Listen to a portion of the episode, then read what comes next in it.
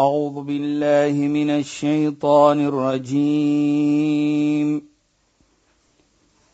بسم الله الرحمن الرحيم. اليوم أكملت لكم دينكم وأتممت عليكم نعمتي. وأتممت عليكم نعمتي ورضيت لكم الإسلام دينا. صدق الله العظيم. السلام عليكم ورحمة الله وبركاته خيانات. باي welkom bij die program islam in focus My naam is Shahida Kali en ek gesels soos ouer gewoonte met Sheikh Dhafir Najjar. Assalamu alaykum Sheikh. Wa alaykum salaam wa rahmatullahi wa barakatuh. Sheikh, ons gaan voort en ek weet op een of ander stadium wil ons begin praat oor die Hajj, maar ons gaan voort om te praat oor ons verantwoordelikheid teenoor ons buurmense soos Islam dit aan ons voorskryf.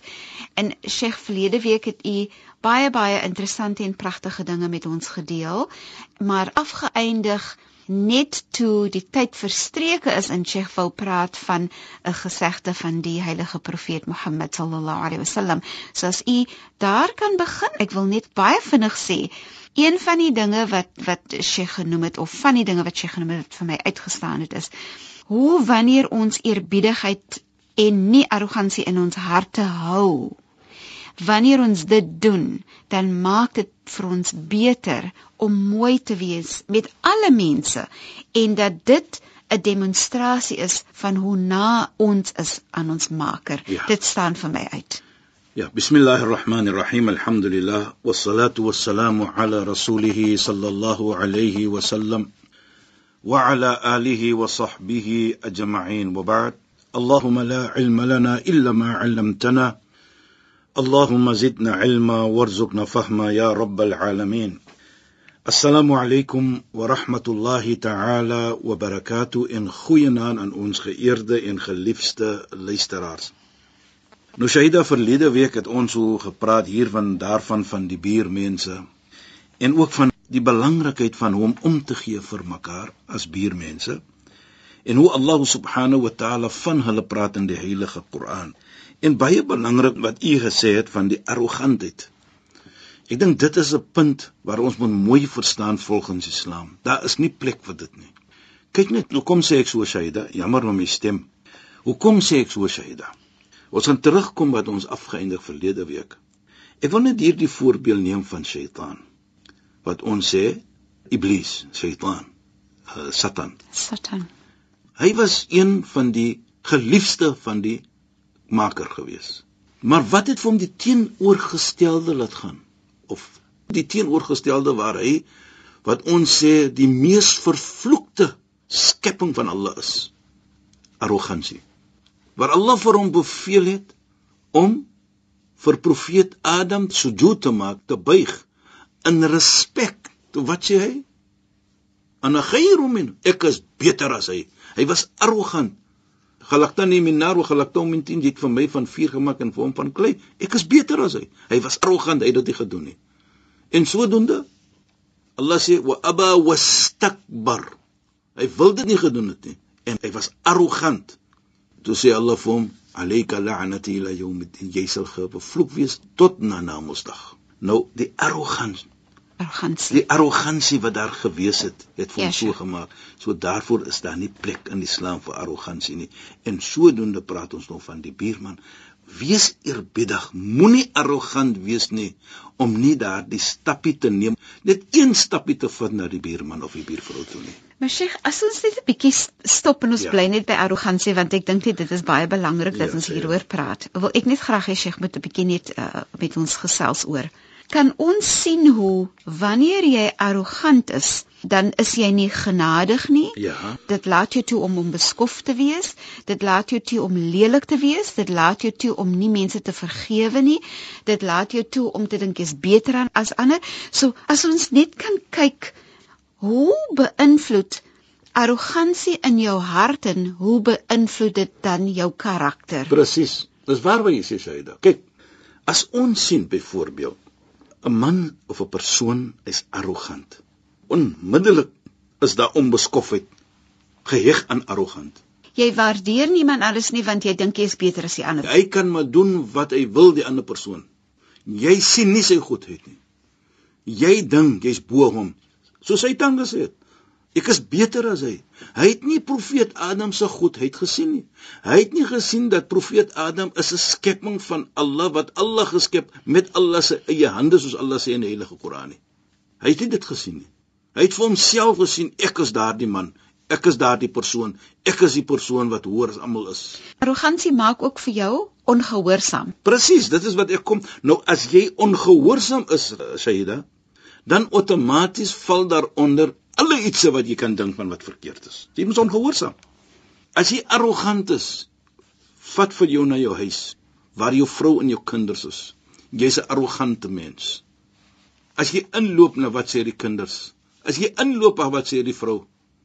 Kan hulle bly wees om die pa te sien? Kan die vrou bly wees om 'n man te sien as hy arrogant is? Nee. Nou kyk net hoe jy 'n familie affekteer van arrogant. Jy's nou onbeskof want jy is nie gehoorsaam. As jy gehoorsaam is vir Allah, dan gaan daar nie 'n titeltjie arrogantheid wees in jou hart nie. Daarvoor sê Allah dat die een wat waarlik waar 'n oute van arrogansie in sy hart het, sal nie die Jannah sien nie, sal nie die hemel sien nie. Dit is hoe Islam dit kyk.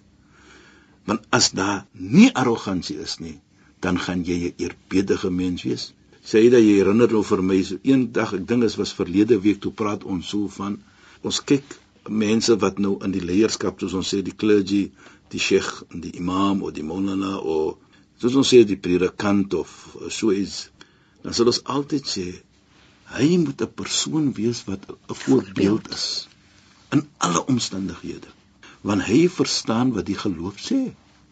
Hy verstaan.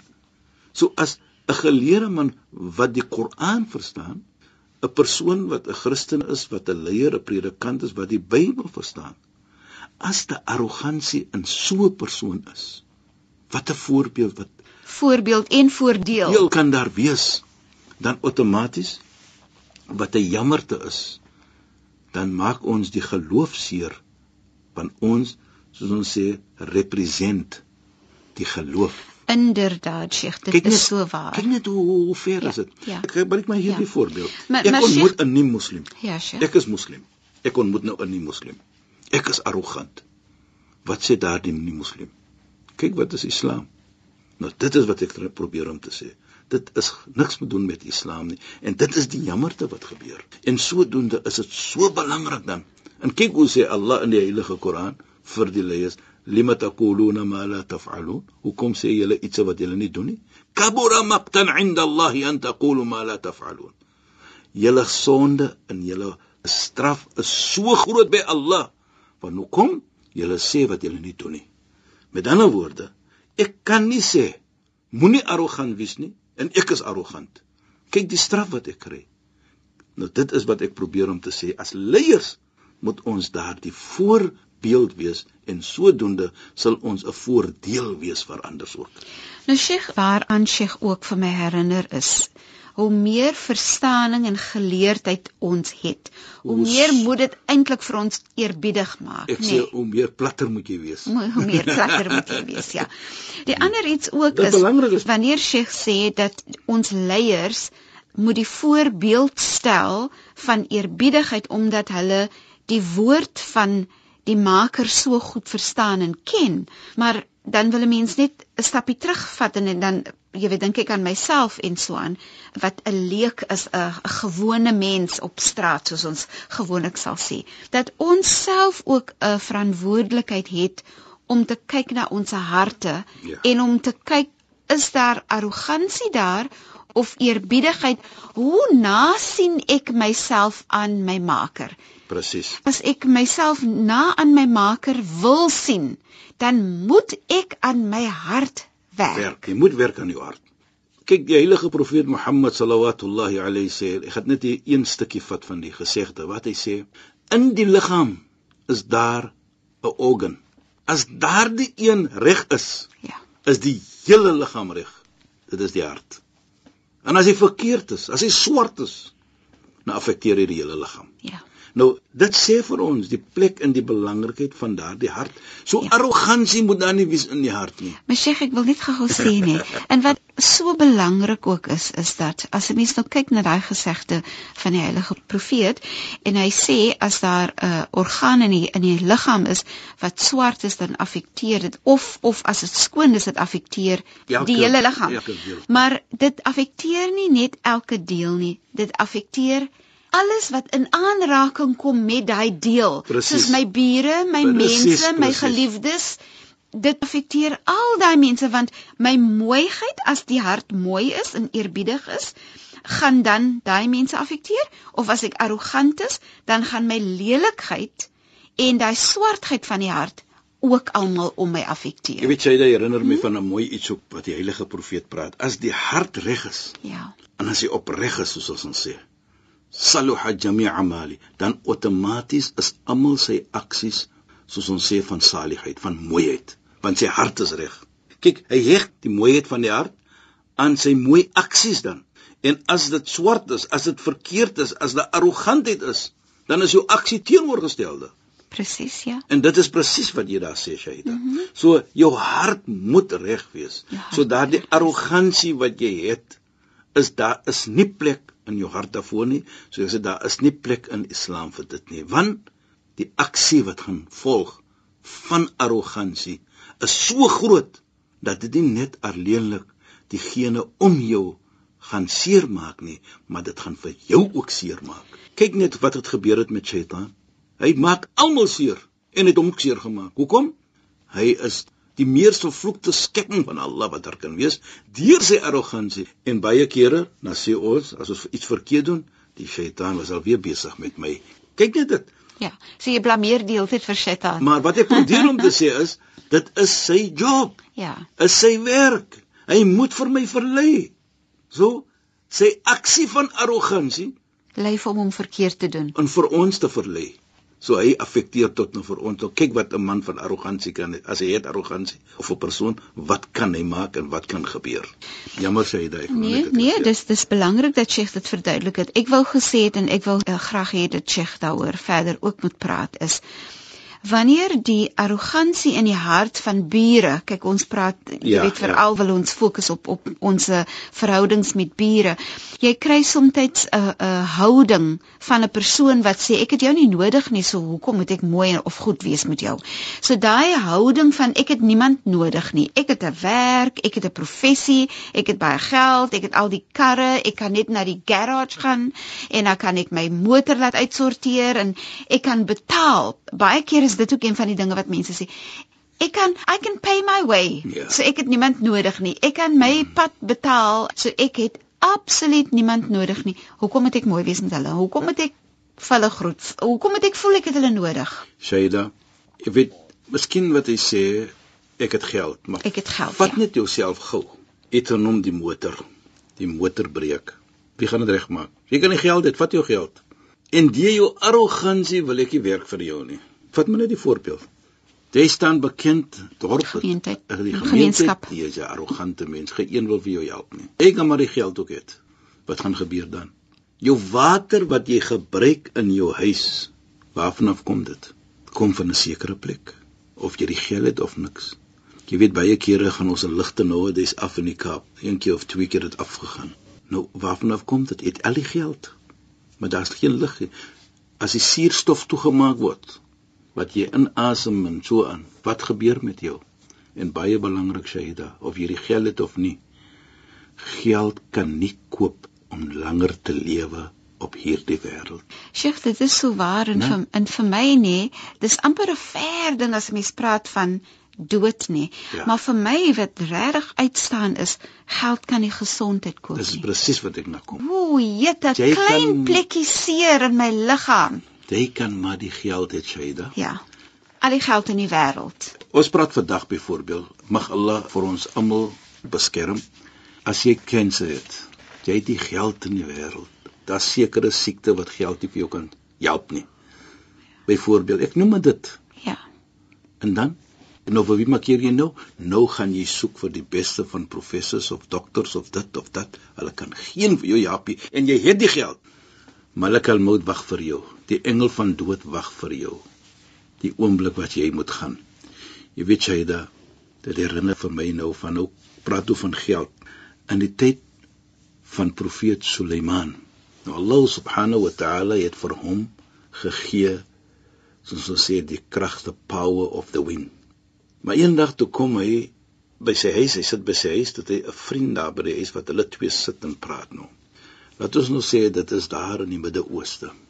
En hier kom 'n besoeker in, derde persoon kom in en uh maar hy kyk die persoon so aan wat daar sit saam met profeet Suleiman. Amper soos hy sê, maar wie is jy? Wat soek jy dan hier? Op so 'n manier.